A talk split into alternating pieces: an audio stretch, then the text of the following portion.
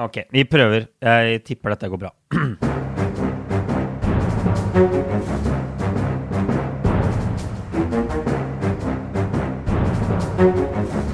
Ok, da kjører vi på med en ny episode av Aftenpodden USA. Høstsesongen er i gang, Kristina Pletten, etter at vi har hatt en god og herlig fire ukers ferie, faktisk. I hvert fall podkastferie. Hvordan går det der borte i Oslo?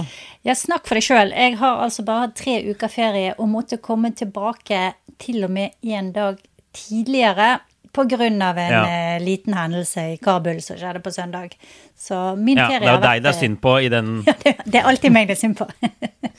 ja. Men hvor har du vært på din eh, Du har vært på sånn Tour de Norway, som de aller, aller fleste har vært? Jeg har vært på sånn uh, fanteferie rundt om i Norge, og har uh, Det har gått ganske hardt for seg, så jeg har humpa nå rundt på krykker med med et vondt kne, og hunden min Bernie går med sånn plasttut rundt hodet, for han har fått eh, et eller annet utslett, da. Så vi, har, eh, vi kommer lett eh, redusert tilbake til Oslo, men det går fint. Det går fint. Da er det bra du er tilbake på jobb. Det virker mye, mye safere. På hjemmekontoret der skjer det ikke så mye Nei. Og jeg, da, Øystein Langberg, USA-korrespondent, er tilbake i Brooklyn. Nei, det er jeg ikke. Jeg bor på Manhattan nå. Nei, nå har du glemt det. Kan du se. Jeg er litt rusten på starten av sesongen. Jo, nei, jeg har vært en tur i Norge, jeg også. Kjempefin tur. Drammen, Hvaler, Oslo, Beitostølen har vært min, min runde i, i, Norge. Men det føles også godt å være tilbake i, i, byen, og her jeg jo har jobben min. Og egentlig livet mitt, sånn som ting er nå. Og jeg tenkte I dag skal vi snakke litt om Afghanistan. Både litt om det som skjer der, men også hvordan det spiller seg ut her, på hjemmebane, og hva det bety vil bety altså for Biden politisk, som jo vi har skrytt av før. Han har hatt uh, en god mm. start. Men nå har det begynt å lugge skikkelig, og Afghanistan er bare en, en megakrise han har fått i fanget. Ja. I tillegg. Så det skal vi komme tilbake til. Men vi har jo vår lille faste spalte Skjedd siden sist. Og når vi har hatt fire ukers pause, så er det sånn at det har skjedd store ting i USA, naturlig nok, siden sist. Jeg kan kanskje ta første punkt. Altså, Andrew Cuomo, New Yorks guvernør, som fortsatt er eh, guvernør på, på papiret, han har trukket seg, da etter et helt sånn vanvittig press, og er vel en av de mest sånn brutale fallene i nyere amerikansk historie. I fjor på den tiden så hadde han skrevet en bok om sin fantastiske covid-håndtering. Han var en sånn helt på venstresiden. Det var snakk om at han kanskje skulle bli kandidat istedenfor Biden en periode. Mm. Det tror jeg demokratene skal være glad for at det ikke ble. For uh, altså, Han går jo av pga. Eh, seksuell trakassering, altså anklager om det. Det kom ut en ny rapport som viste at dette var mer omfattende og verre enn vi hadde sett for oss. Flere kvinner som anklaget hans, han. Og da var det egentlig liksom løpet kjørt for, uh, for Cuomo. Og dette var vel en rapport som han selv hadde beordret fra hans egen delstatsregjering, var det ikke det? Jo, det var det. Det var justisministeren i New York som skrev den rapporten som jo var rett og slett bare, bare, knusende. Og hvis han ikke hadde gått av, ville han antageligvis blitt kastet av sine egne i, i parlamentet, delstatsparlamentet mm. i Albany i New York. Så det er over og ut, og nå får New York sin første kvinnelige guvernør, Katie Hochul, 24.8. Så det blir spennende å se. Og så har det jo skjedd ting i Washington eh, før Biden falt ned i et svart hull, For å si. Denne uken så fikk han en ganske stor seier i Senatet. Mm. De godkjente en infrastrukturplan. Er mye penger til det som kalles for hard infrastruktur, altså veier, flyplasser. Eh, de skal bygge ladestasjoner for elbiler, tunneler, sånne ting. Eh, og en god gruppe republikanere stemte også for den pakken, og nå mm. ligger den altså i Representantenes hus, der den forhåpentligvis også skal opp til avstemning og kan kanskje bli signert av Biden før jul. Ja, og Den siste tingen vi kan ta med, er at USA står midt i en covid-bølge, som også har brutt ut mens vi har vært på ferie. Den startet vel egentlig sånn tidlig i juli, og rammet særlig da statene sør i USA veldig hardt. Og Florida har kanskje fått mest oppmerksomhet av de statene. Der ligger det flere på sykehus nå enn noen gang tidligere i pandemien som jo er en ganske utrolig ting, ettersom de har hatt vaksine i det landet her helt siden februar-mars, i hvert fall. Og dette utbruddet har blitt kjempepolitisert. Biden har ligget i krig med, med Trump-arvtaker og guvernør i, i, Florida, Ron DeSantis, som jo annet han ville innføre en sånn regel som straffet skoleledere for å tvinge elevene til å gå med munnbind. Så, så denne kulturkrigen over covid er akkurat som før, like ille som før, og utbruddet da er stort. Altså, covid har ikke forsvunnet fra USA. Pandemien er her fortsatt. Det har denne sommeren vist. Ok, skal vi gå over til, eh, til hovedtemaet, Kristina? Afghanistan. Vi laget en episode faktisk denne våren om historikken 9-11 og Bidens beslutning om å trekke USA helt ut. Og det som jo var litt oppsiktsvekkende, var at Biden ikke tok en sånn halvveisbeslutning som mange av forgjengerne har gjort. Han sa betingelsesløst, uansett hva som skjer, så forsvinner USA fra Afghanistan innen 11.9.2021. Og vi snakket også om at det lå i kortene at Taliban ville ta over eh, landet igjen. Eh, og at det var i hvert fall en stor fare for det, og at det ville gå ganske fort, til og med. Men at ting skulle gå så fort som det har gjort, det, jo ikke, det hadde jo ikke vi noen peiling på heller. Og det har jo tatt de aller, aller, aller fleste på sengen. Eh, og også at Taliban skulle ta over hele landet nesten uten å få motstand, i hvert fall en god del steder, har også overrasket veldig, veldig mange. Ikke bare amerikanerne. Og jeg så han Farid Zakaria på CNN kalte det en av de raskeste militære kollapsene i historien. Så Hvis man går tilbake og ser på militærhistorien, så er dette rett og slett oppsiktsvekkende. Så vi får jo bare spørre da, og tenke hva er det som har skjedd her egentlig på bakken i Afghanistan?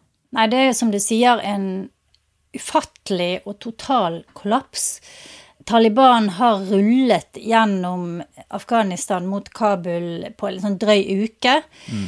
Kom inn, eller sto i hvert fall på utsiden av Kabul eh, søndag morgen norsk tid. Og eh, så skjedde ting i ganske rask rekkefølge. President Ghani Eh, forlot landet i helikopter. Og eh, resten av regjeringen har også forduftet. Og Taliban var liksom innen søndag kveld så satt eh, Taliban-krigere inne i presidentpalasset og viftet med Taliban-flagget. Så det er helt uh, ufattelig egentlig hva som har skjedd. Det vil nok komme frem ganske mye mer fakta om det i tiden fremover. Men det som er sikkert, er at dette er en akutt krise for Joe Biden. Eh, og det er utrolig stor forskjell på eh, om dette hadde skjedd bare en måned etter 11.9., september, altså etter at de har satt deadline og trukket seg ut, og at det skjedde noe på denne måten. Spesielt fordi ikke sant, det var jeg eh, tror jeg rundt 4000 mennesker på den amerikanske ambassaden som fortsatt var der. Der var folk på veldig mange andre lands ambassader. Der var folk som tilhørte militære og, og veldedige organisasjoner osv. osv. Alle disse her ble jo stuck i denne her kaotiske situasjonen som vi har sett på flyplassen. da. Mm. Så det er en situasjon som, som utspiller seg som er nesten Den er ikke til å fatte, rett og slett. Nei. Og på papiret så skulle jo den afghanske statlige regjeringshæren kunne hamle opp med Taliban. Altså, de hadde over 300 mm. 000 mann i hæren sin. De har blitt trent i mange mange år av de beste styrkene i verden, av Nato-styrkene. De har bedre våpen.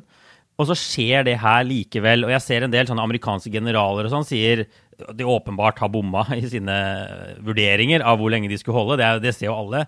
Men at det er helt umulig å måle motivasjon og vilje til å kjempe. Og at de der har bommet totalt, det er på en måte deres unnskyldning slash innrømmelse, da, at etterretningsorganisasjonen bare ikke har skjønt hvor fort dette kom til å gå. Altså, er det, er det må jo være, det er åpenbart en del av bildet her, at man ikke har kjempet. Ja, jeg, jeg har vanskeligheter med å skjønne hvordan de kunne bomme så grovt.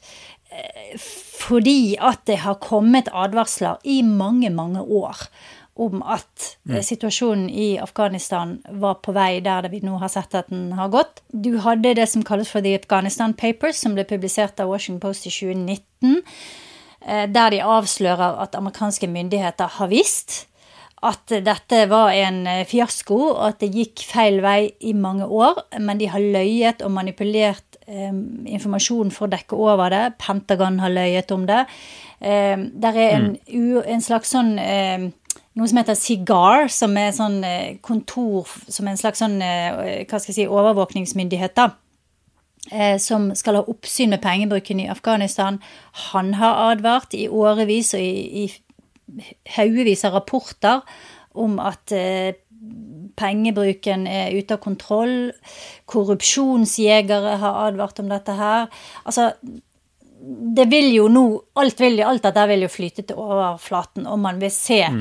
eh, journalister, forhåpentligvis, og andre eh, som gransker dette, vil sette dette i sammenheng og se at eh, dette var en meget varslet katastrofe. Eh, både Nato og amerikanske myndigheter må ha visst dette her. De har visst det. Det, det har vi faktisk ganske håndfast bevis på. Så hvordan dette kunne skje, det er, det er fortsatt en gåte for meg, og jeg håper at eh, det virkelig vil bli satt ned ordentlige granskingskommisjoner som, som går grundig gjennom dette her, og at folk eh, vil bli holdt ansvarlig. Ja.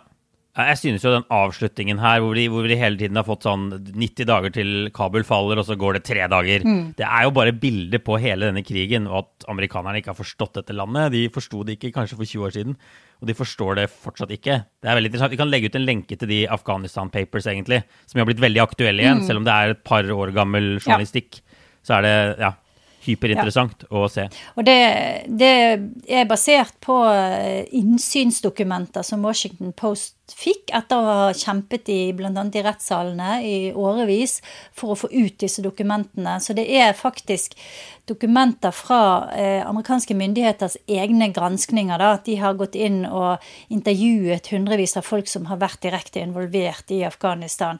Og disse, disse her Afghanistan Papers inneholder eh, sitat, direkte sitater og informasjon fra de intervjuene. Så det er utrolig interessant å se. Ja, nei, vi legger ut en lenke til det.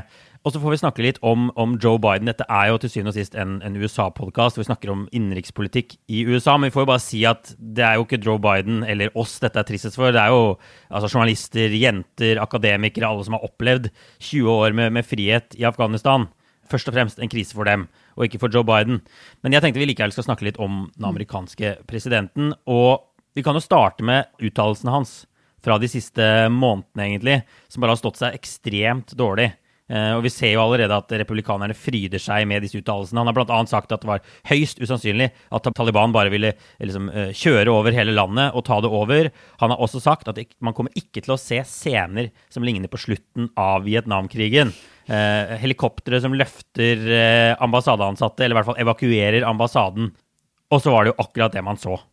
Og det, det, er det, de, de, det, er liksom så knusende dumme, de uttalelsene til Biden, at man kan lure på at han har turt å være så selvsikker. Ja, det er veldig rart. Og det er jo, vi har jo snakket flere ganger om hvor god eh, det teamet rundt Biden har vært på det man kaller for optics. Altså eh, hvordan ting ser ut, hvordan det fremstilles, hva slags narrativ man legger opp til. Så det er veldig, veldig rart at eh, dette her eh, kunne skje på denne måten. Og det er eh, ja, det er jo en katastrofe og en krise for Biden. Og dette vil hefte ved han resten av presidentperioden, selv om han kanskje vil kunne legge det litt bak seg etter hvert. Ja, men Vi kan jo dele inn kritikken han får nå, for den kommer jo fra, ja, særlig fra høyresiden, men også fra mange hold. Vi må si Demokratene sitter stort sett bare stille i båten nå. Det er veldig få som er ute og forsvarer han helhjerta. Men kanskje hovedkritikken er at selve uttrekkingen, det virker som de fleste er enige om, var ekstremt eh, dårlig håndtert. Man spør hvorfor evakuerte han ikke folk før? Hvorfor evakuerte han ikke tolker og de som har hjulpet styrkene underveis før, slik at man endte opp med denne kaotiske situasjonen på flyplassen? Det virker som er på en måte hovedinnvendingen mot uh, det Biden har gjort. Og det svarer han heller ikke så godt på. Han holdt jo en tale mandag kveld, en sårt nødvendig og etterlengtet tale, får vi si. Uh, og da innrømmer han at uh, Taliban tok landet fortere enn de hadde trodd. Men han går ikke så veldig mye lenger. Han tar ikke så veldig mye selvkritikk. han sier bare at Trump gjorde situasjonen kjempevanskelig, de avtalene Trump lagde på forhånd. Og så sier han vi kan ikke kjempe afghanernes krig når de ikke vil kjempe selv. Dette, denne hæren kollapsa, lederne flykta. Han skylder på en måte på, på de. Mm. Men holder det, tenker du? Altså, det er jo ikke bare Bidens skyld at de er i dette her eh, i denne hengemyren, da. Det må jo understrekes. Nei. Det er Trump eh, begynte forhandlinger med Taliban og ekskluderte den afghanske regjeringen fra de forhandlingene. Inngikk en avtale i fjor, og det var jo, som det nå ser ut, en utrolig dum ting å gjøre. Obama sto for the surge. Han sendte inn jeg vet ikke hva det var, 12 000 flere soldater, eller 20 000, en hel haug i hvert fall. Eh, og George Bush, som startet det hele, har jo også en stor del av ansvaret. Så vi kan ikke legge alt på Biden. Men han kommer likevel ikke utenom at han nå er commander in chief. Dette er på hans spor, og dette er på hans vakt at denne kollapsen nå skjer.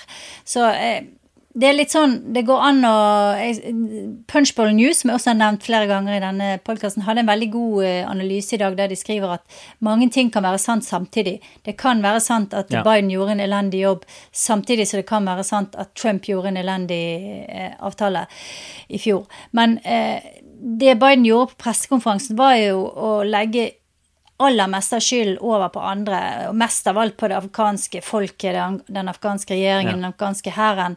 Uh, og det, det er mulig at det funker innad i USA bedre enn vi kan se for oss her, da. Men det er jo fryktelig kynisk og, og helt på grensen, syns jeg. Ja, altså den talen til Biden Det var en del som sa den kunne Trump omtrent holdt, med noen, noen modifikasjoner. Og åpenbart myntet på amerikanske velgere, amerikanske folk. Den er Ja. ikke myntet på eh, skremte afghanere som sitter i kjellerne sine og frykter for hva som skal skje når Taliban tar over. Det var liksom en innenrikstale. Og jeg er enig, jeg tror kanskje den fungerer bedre enn den kan virke som. Jeg så Twitter var i fistel, eh, men det er ikke nødvendigvis målingen på, på hvordan noe eh, går hjem hos velgerne. Så det er mulig Biden gjorde det han måtte. Og vi, vi sa liksom hovedkritikken er at han håndterte selve uttrekkingen dårlig, men så er det en annen kritikk som også ligger under, særlig hos en del av de som er på TV nå og kritiserer Biden, og det er at USA aldri burde trukket seg ut. Og det var egentlig det Biden brukte det meste av talen sin på å forsvare. Han forsvarte kanskje ikke dette kaoset på flyplassen, sånn, det er vanskelig å forsvare, men at USA at dette var riktig tidspunkt for å gi seg med dette han kaller forever war, 20 år med krig, der har han egentlig bedre argumenter da, og et tydeligere ja, et sammenhengende argument. Og det går kanskje bedre hjem hos uh, folket der ute også. Uh, for det er jo en del folk som sier de hadde nesten ikke noe folk der på slutten, uh, USA. Og likevel så holdt de Taliban sånn noenlunde tilbake. De hadde 2500 eller 3500 soldater på bakken. Men Bidens argument er at det hadde ikke holdt. Altså Taliban var på offensiven. Hvis vi skulle blitt i Afghanistan, så var det å øke styrkebidraget kraftig igjen. Og sende inn masse nye amerikanere der. Det ville blitt krig igjen. At vi ville endt opp i direkte konfrontasjoner med Taliban. Så han hadde to alternativer. Ut eller sende flere til Afghanistan. Og det argumentet der, det virker egentlig ganske godt. Jeg tror i hvert fall en god del folk kjøper det argumentet. Om at dette ikke ville blitt billig med 20 år til i Afghanistan. Ja. Og enkelt. Og, og hvis man skal se sånn helt kynisk, knallhardt politisk på det, som vi jo ofte gjør i den podden, så er det jo bra for Biden. Jo mer kritikk han får av den typen eh, USA burde vært der i ti år til, eller sendt inn liksom 20 000 nye soldater, jo bedre er det for Biden. For da kan han Ja. Eh, svare med det som er det sterkeste kortet. Sant? At eh, eh, noen måtte sette en stopper for krigen. Nå var det han som tørde å gjøre det. Det står han for, bla, bla, bla. Og det, jo, det var jo det han sto og sa eh, mandag også på den pre- pressekonferansen. Og det går rett hjem hos veldig mange demokratiske velgere, men også hos veldig mange konservative velgere. Alle Trump-velgerne eh, er jo enig i det. Så han har jo på en måte der en åpning hvis alle disse haukene kommer og får veldig mye, tar veldig mye plass med den kritikken, Ja. så fungerer de faktisk paradoksalt nok som en slags buffer fra den legitime kritikken som er hvordan eh, amerikanerne og Biden har faktisk gjennomført denne uttrekningen. Og når du sier haukene, så er det altså de folka som tok til orde for at USA skulle inn i Afghanistan og så inn i Irak eh, tidlig på, på 2000-tallet. Og jeg må si, de har liksom gjenoppstått litt fra de døde nå. De har vært på defensiven i det republikanske partiet i Trump-æraen, for Trump ville jo også ut av Afghanistan. Men nå ser vi de Ja. tilbake. Liz Cheney, blant annet, datteren til visepresident Dick Cheney, som jo var en av arkitektene bak Ja, ja, ja. Begge, disse, begge disse krigene. Så det er litt sånn gufs fra fortiden nå, men jeg tror det er sant. Jeg tror, jeg tror ikke folk nødvendigvis Altså, De har ikke så mye legitimitet igjen nødvendigvis i de spørsmålene her. da. Så Hvis Biden får dreid debatten over til burde vi bare blitt i Afghanistan og økt bidraget der ti år til, eh, da er han på mye sånn sterkere, en mye sterkere banehalvdel. Så hvis han nå får disse amerikanerne ut av flyplassen relativt kjapt, så, så vil han nok være i en sterkere posisjon enn det kanskje kan se ut som ut ak akkurat nå, da. Men vi, da vi snakket sammen i vår, da sa jo du, som får lov til å mene ting, du er jo kommentator, at du var for at USA trakk seg ut nå og avslutte denne krigen i Afghanistan. Og så gikk det vel ikke akkurat sånn, altså uttrekkingen, det var ingen som ville ha en sånn her form for uttrekking, men, men hva var egentlig det beste Biden kunne håpet på da? For Taliban ville jo tatt over dette til slutt. Altså Til syvende og sist så er dette kanskje litt sånn bad optics. Det faller på et par uker istedenfor et halvt år. Ja. Men sluttdestinasjonen ville jo fort vekk vært den samme for afghanske kvinner og alle de som har opplevd et snev av frihet. Men du kan si hvis det hadde vært sånn da at eh, Biden kunne hente hjem soldatene, sette sluttstrek, markere 20-årsdagen for 9-11 med at nå, er, nå har jeg hentet soldatene, ingen flere amerikanere skal dø i Afghanistan. Og så, eh, sakte, men sikkert, så begynte Taliban å gjøre fremskritt, men fikk motstand fra den afghanske hæren. Fikk litt hjelp fra droner og sånne ting fra allierte styrker. Og eh, man kunne liksom i hvert fall proppe opp eh, regjeringen litt, kanskje prøve å, å, å gjøre den litt eh, mindre korrupt og litt bedre. Man kunne evakuere ut eh, tolker og andre som har hjulpet vestlige land. Eh, ikke sant? Ja. Altså Alt det der ville gjort at det var en helt annen situasjon da. Men det som Ja. har skjedd nå, eh, gjør jo at USA og Nato ser ut som de ikke hadde peiling på hva som foregikk i Afghanistan, og som de ble virkelig eh, lurt. Og man kan jo lure på hva som har skjedd med denne regjeringen. Jeg tror det blir et veldig stort spørsmål i de neste dagene og ukene fremover nå. Hva skjedde egentlig med Afghanistans regjering? Reuters har en rapport om at eh, president Ghani forlot landet med et helikopter og fire biler fullstappet i kontanter. Altså de, de hadde så mye kontanter med seg at de måtte la noe penger ligge igjen på rullebanen. Eh, Sentralbanksjefen i Afghanistan skriver på Twitter at det mesteparten av regjeringen hadde sneket seg ut av landet allerede lørdag. Altså, og han antyder også at dette var avtalt spill mellom regjeringen og Taliban. At, eh, at eh, regjeringshæren fikk, eh, fikk nærmest ordre om å ikke gjøre motstand da, mot Taliban. Så det er mange sånne store spørsmål som kommer til å piple til overflaten her, og som kommer til å, å antagelig sette dette her, jeg er redd for, i et enda verre lys. Ja. When you're ready to pop the question, the last thing you want to do is second guess the ring.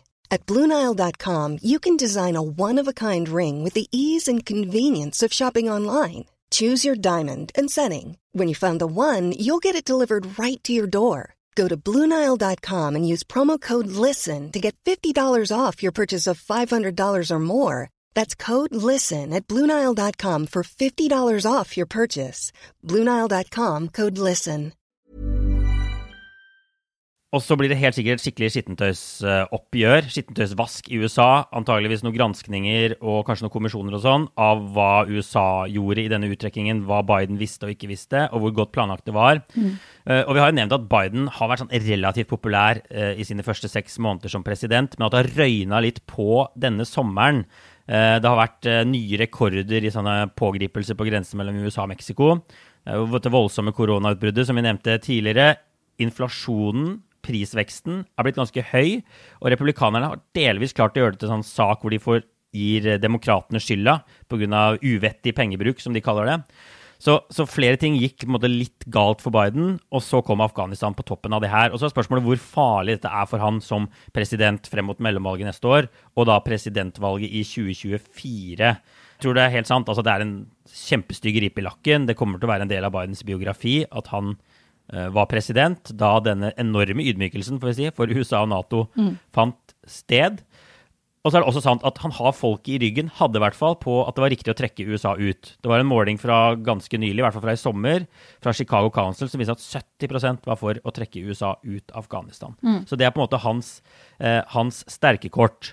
Og så vil det, jeg tipper, hvis jeg skal gjette, at, at uh, oppslutningen om Biden kommer til å falle litt etter det her. Det ser jo bare ikke bra ut. Det har kommet noen målinger nå som viser at færre syns det er riktig å trekke USA ut av Afghanistan, og veldig få, eller enda færre, synes han gjør en god jobb i Afghanistan. Eh, Men det var fortsatt sånn 30% eller noe som sa det, da. Så Det er jo ganske utrolig at noen kan se de bildene og tenke dette er en god jobb. Men det er vel da bare demokrater som støtter Biden i alt, akkurat som republikanerne støtter Trump i alt. Ja. Eh, Men, men hva ser du for deg fremover, da? Hvor stor politisk belastning kan det her bli? Det kommer litt an på hvilket eh, narrativ som får dominere i nyhetene. Og, igjen tilbake til dette her, da. Hvis, hvis Biden-regjeringen får lov å svare stort sett på kritikk om at de burde blitt værende der i årevis, så tror ikke jeg de trenger å ha noe veldig Da kan det liksom fort slå tilbake på republikanerne, faktisk. Men så kan du jo se for deg eh, faktisk en eh, situasjon der eh, masse afghanere plutselig dukker opp på grensen mellom Mexico og USA. Og Ja. da kan plutselig Fox News koble de to svakeste punktene for Biden sammen. Og snakke Ja. om eh, terrorfare Eller tre punkter ble det faktisk. Terrorfare, krisen i Afghanistan og krisen på grensen i en stor liksom pakke med sløyfe på, ikke sant. Så det, Ja. det kommer veldig an på, tror jeg, hvordan dette her Hvilken kontekst dette blir satt inn i, og hvordan Biden-regjeringen håndterer det i, i ukene og månedene fremover. Kanskje, hvis de er smart, da, så klarer de også å trekke opp informasjon som kan eh, legge mye av ansvaret på tidligere presidenter, på det som har vært gjort før Bidens tid. Han har jo også der en svakhet i at han satt i åtte år som visepresident. I noen av Ja. de verste årene under denne Afghanistan-krigen. Men jeg bet meg merke i at han eh, i, på, eh, eller på, i talen sin på mandag sa veldig klart at han i 2009 var mot at USA skulle sende flere soldater. Så det vil nok, her vil de nok på en måte prøve å slå en kile mellom Biden og Obama, da. Og, og Ja. fremheve det at han eh, var uenig i, hva, i mye av det som Obama-regjeringen gjorde i Afghanistan. Ja, og det er åpenbart, vi ser det allerede, at republikanerne bruker videoklipp, eh, kaoset, Bidens dumme uttalelser fra i sommer, til å, til å tegne han som liksom, ja, autotouch, svak, en svak leder som ikke vet hva han holder på med. Så de har fått en del ammunisjon frem mot mellomvalget som de kanskje kan bruke. Men jeg, altså, jeg er enig med deg. Ingen amerikanere er døde, det har ganske mye å si. Dette er ganske kynisk. Afghanistan kan forsvinne i løpet av sekunder fra nyhetsbildet igjen. Det er ikke sånn grunnleggende enorm interesse for hva som foregår på andre siden av kloden i det landet her. Og utenrikspolitikk er jo heller veldig sjelden det avgjør valg, og i hvert fall ikke mellomvalg. Så, så, så det er jo sånn, og dette er definitivt ikke over og ut for Biden. Jeg tipper han vil se en dipp i popularitet, men det spørs hvor, hvor stor den blir. Og så er det noen som, mange som har trukket paralleller til liksom, slutten på Vietnamkrigen. Eh, og det er litt sånn interessant historisk parallell da, da de ble amerikanske ambassadeansatte ble evakuert fra denne ambassaden i Saigon da, i, i Sør-Vietnam i april 1975. Og da var jo Gerald Ford president og lå ikke så veldig bra an på målingene. Men hans popularitet steg faktisk etter den ydmykende exiten fra Vietnam fordi den krigen var over. Den steg markant i de månedene etter at, etter at den krigen var over. Så jeg tror, ikke, jeg tror ikke det kommer til å skje med Biden, men det viser jo bare at ting kan være litt annerledes da, ute blant folk. Kanskje de bare er lettet over at dette er over når de siste amerikanerne forlater flyplassen i, i Kabul. Eh, kanskje det er det som blir reaksjonen. Det blir interessant å se akkurat det der. Ja, og i ettertid så er jo ikke det Ford man liksom tenker først på når man tenker på Vietnamkrigen. Den er jo knyttet mye tettere opp mot tidligere presidenter.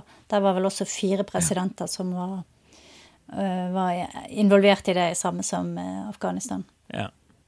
Altså, det som jeg tror er over og ut for Bidens presidentskap, er hvis man får et terrorangrep i USA planlagt på afghansk jord etter det her.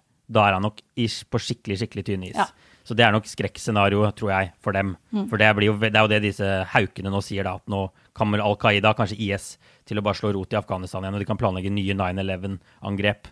Så det, det vil være Ja. De vil nok strekke seg langt for å følge med på det og unngå det. Men jeg, der sa jo Biden tydelig at de ville gå inn og slå hardt ned på det, og de har jo metoder som de bruker i andre land. Eh, Ja. Tvilsomme metoder skal sies, men bruk av droner osv. Bruk av spesialstyrker som går inn og, og tar livet av folk. Så det, de har nok sine måter å slå ned på det på. Det som kanskje er mer bekymringsfullt sånn i det storpolitiske, er jo hva gjør eh, stormaktene rundt Afghanistan nå? Hva gjør Kina, hva gjør Russland, hva gjør India, Pakistan? Ja.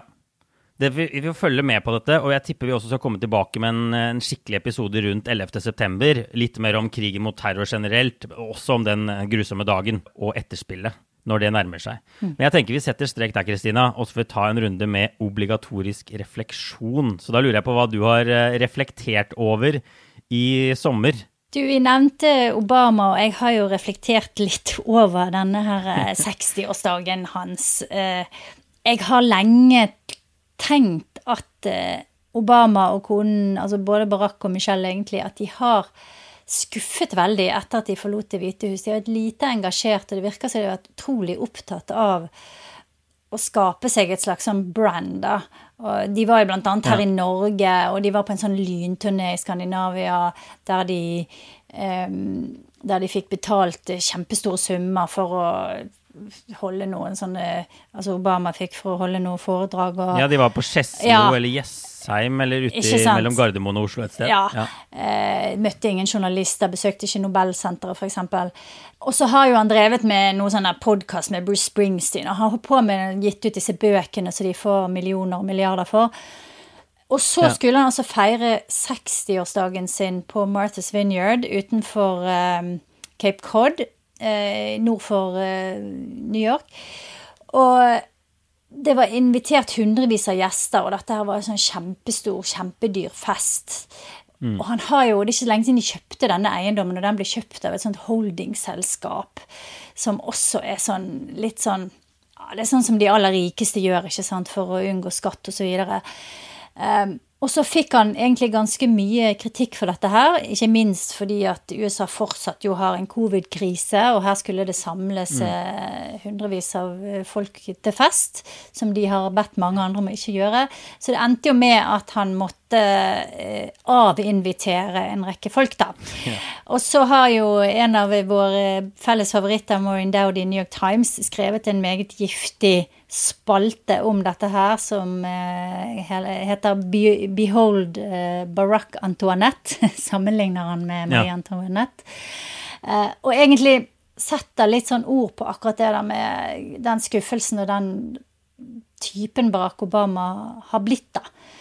Og så tenker jeg at kanskje han alltid var sånn. Altså kanskje det Altså en av de tingene jeg, jeg har tenkt på helt siden Obama var kandidat, var jo at folk la veldig mye sånn håp i han. De la veldig mye ting Det de liksom sjøl håpet på, ønsket, ønsket det tilskrev de egentlig Obama, da. Ja, Uten at ja. han kanskje egentlig helt sto for det. Og ingen nei. var jo egentlig helt klar over hva han egentlig sto for. Så Anyway, den, den eh, eh, kommentaren til Maureen Dowd er verdt å lese, og så eh, kan jo folk eh, sende noen tanker om hva de sjøl tenker om Obama, da. Etter eh, ja. Ja, og noe av kritikken da, og det Maureen Dow tar opp, er jo at de som ble avinvitert, var jo en del av disse gamle rådgiverne hans, og de som hadde liksom hjulpet Obama frem, fått gjennom helsereformen og sånn, mens kanskje de største kjendisene, de ble ikke avinvitert. Så det var altså det noe av Ja. hennes kritikk, men hun har fått mye kjeft for den spalten. Obama er jo fortsatt USAs mest populære politiker på de aller fleste sånne målinger, så hun har virkelig fått gjennomgå på Twitter, midt oppi covid og Afghanistan, sånn så skriver hun denne meningsløse. Så, så hun tar også en del skit for det der, da, får vi si. Ja da, men jeg, jeg syns det er på sin plass. Jeg tenker at eh, Obama har eh, unngått utrolig mye kritisk blikk. Ikke minst pga. at Trump kom inn og laget så mye bråk at, eh, at ingen hadde tid å se kritisk på hva han hadde gjort som president, og hva han gjorde i årene etter. Så jeg syns det er fullt på sin plass. Yes, Vi legger ut en lenke til den uh, spalta om Obama. Uh, min OR er relativt sånn kjapp og enkel. Jeg har sett en serie si de siste månedene som heter Marvelous Mrs. Maisel. Som jeg tror finnes på Amazon Prime også i Norge. Som handler om 50- og 60-tallet i New York. Det som er herlig med Mrs. Maisel, er at hun bor på Upper West Side, der jeg også bor nå. Hun er altså en, en jødisk husmor som opplever at mannen går fra henne, og så starter hun fordi hun er ganske full, så slenger hun innom sånne standup-klubber nede i, i ja, det er vel Greenwich Village, eh, tipper jeg, West Village, eh, og starter en karriere som standup-komiker. Veldig veldig morsom serie, må jeg si. Den er ikke sånn ekstremt tung, men den snarere sier litt om New York da, på 50- og 60-tallet. Masse fine bilder fra byen, masse herlig musikk, og veldig morsomt. Eh, veldig mye bra standup og analyser av liksom, standup. Så jeg bare anbefaler folk å se den serien hvis de kan, og særlig for alle de nordmennene som ikke har fått vært i New York på kjempelenge, fordi det jo har vært stengt. Vi venter jo fortsatt på at grensa skal bli åpnet for turister. Så da vil jeg bare anbefale folk å se den. Mm. Det er jo et sånn fint kulturportrett også av eh, det jødiske New York, da. Ja. Så det, jeg stiller meg fullt og helt bak den eh, anbefalingen. Ja, jeg har faktisk gått innom noen av de butikkene som name-droppers uh, i den serien, annet Saybar, som er sånn uh, supermarked, jødisk supermarked med bare sånn kjempelange tradisjoner, som jeg kan gå til nå fem-fem minutter fra huset med fantastisk ost og, ost og kjøtt og masse, masse greier. Så Marvelous Mrs. Maisel er vår anbefaling. Og med det så tror jeg vi setter strek. Vi vil alltid at folk anbefaler denne poden hvis de vet om uh, venner og kjente som er interessert i USA eller utenrikspolitikk. Uh, og så er vi tilbake igjen om en uke med mer USA, og inntil det så får alle ha det bra. The number one selling product of its kind with over 20 years of research and innovation. Botox Cosmetic, out toxin A, is a prescription medicine used to temporarily make moderate to severe frown lines, crow's feet, and forehead lines look better in adults. Effects of Botox Cosmetic may spread hours to weeks after injection, causing serious symptoms. Alert your doctor right away as difficulty swallowing, speaking, breathing, eye problems, or muscle weakness may be a sign of a life threatening condition. Patients with these conditions before injection are at highest risk. Don't receive Botox Cosmetic if you have a skin infection. Side effects may include allergic reactions, injection site pain, headache, eyebrow and eyelid drooping, and eyelid swelling. Allergic reactions can include rash, welts, asthma symptoms, and dizziness. Tell your doctor about medical history, muscle or nerve conditions including ALS or Lou Gehrig's disease, myasthenia gravis, or Lambert Eaton syndrome and medications, including botulinum toxins, as these may increase the risk of serious side effects. For full safety information, visit BotoxCosmetic.com or call 877 351 0300. See for yourself at BotoxCosmetic.com.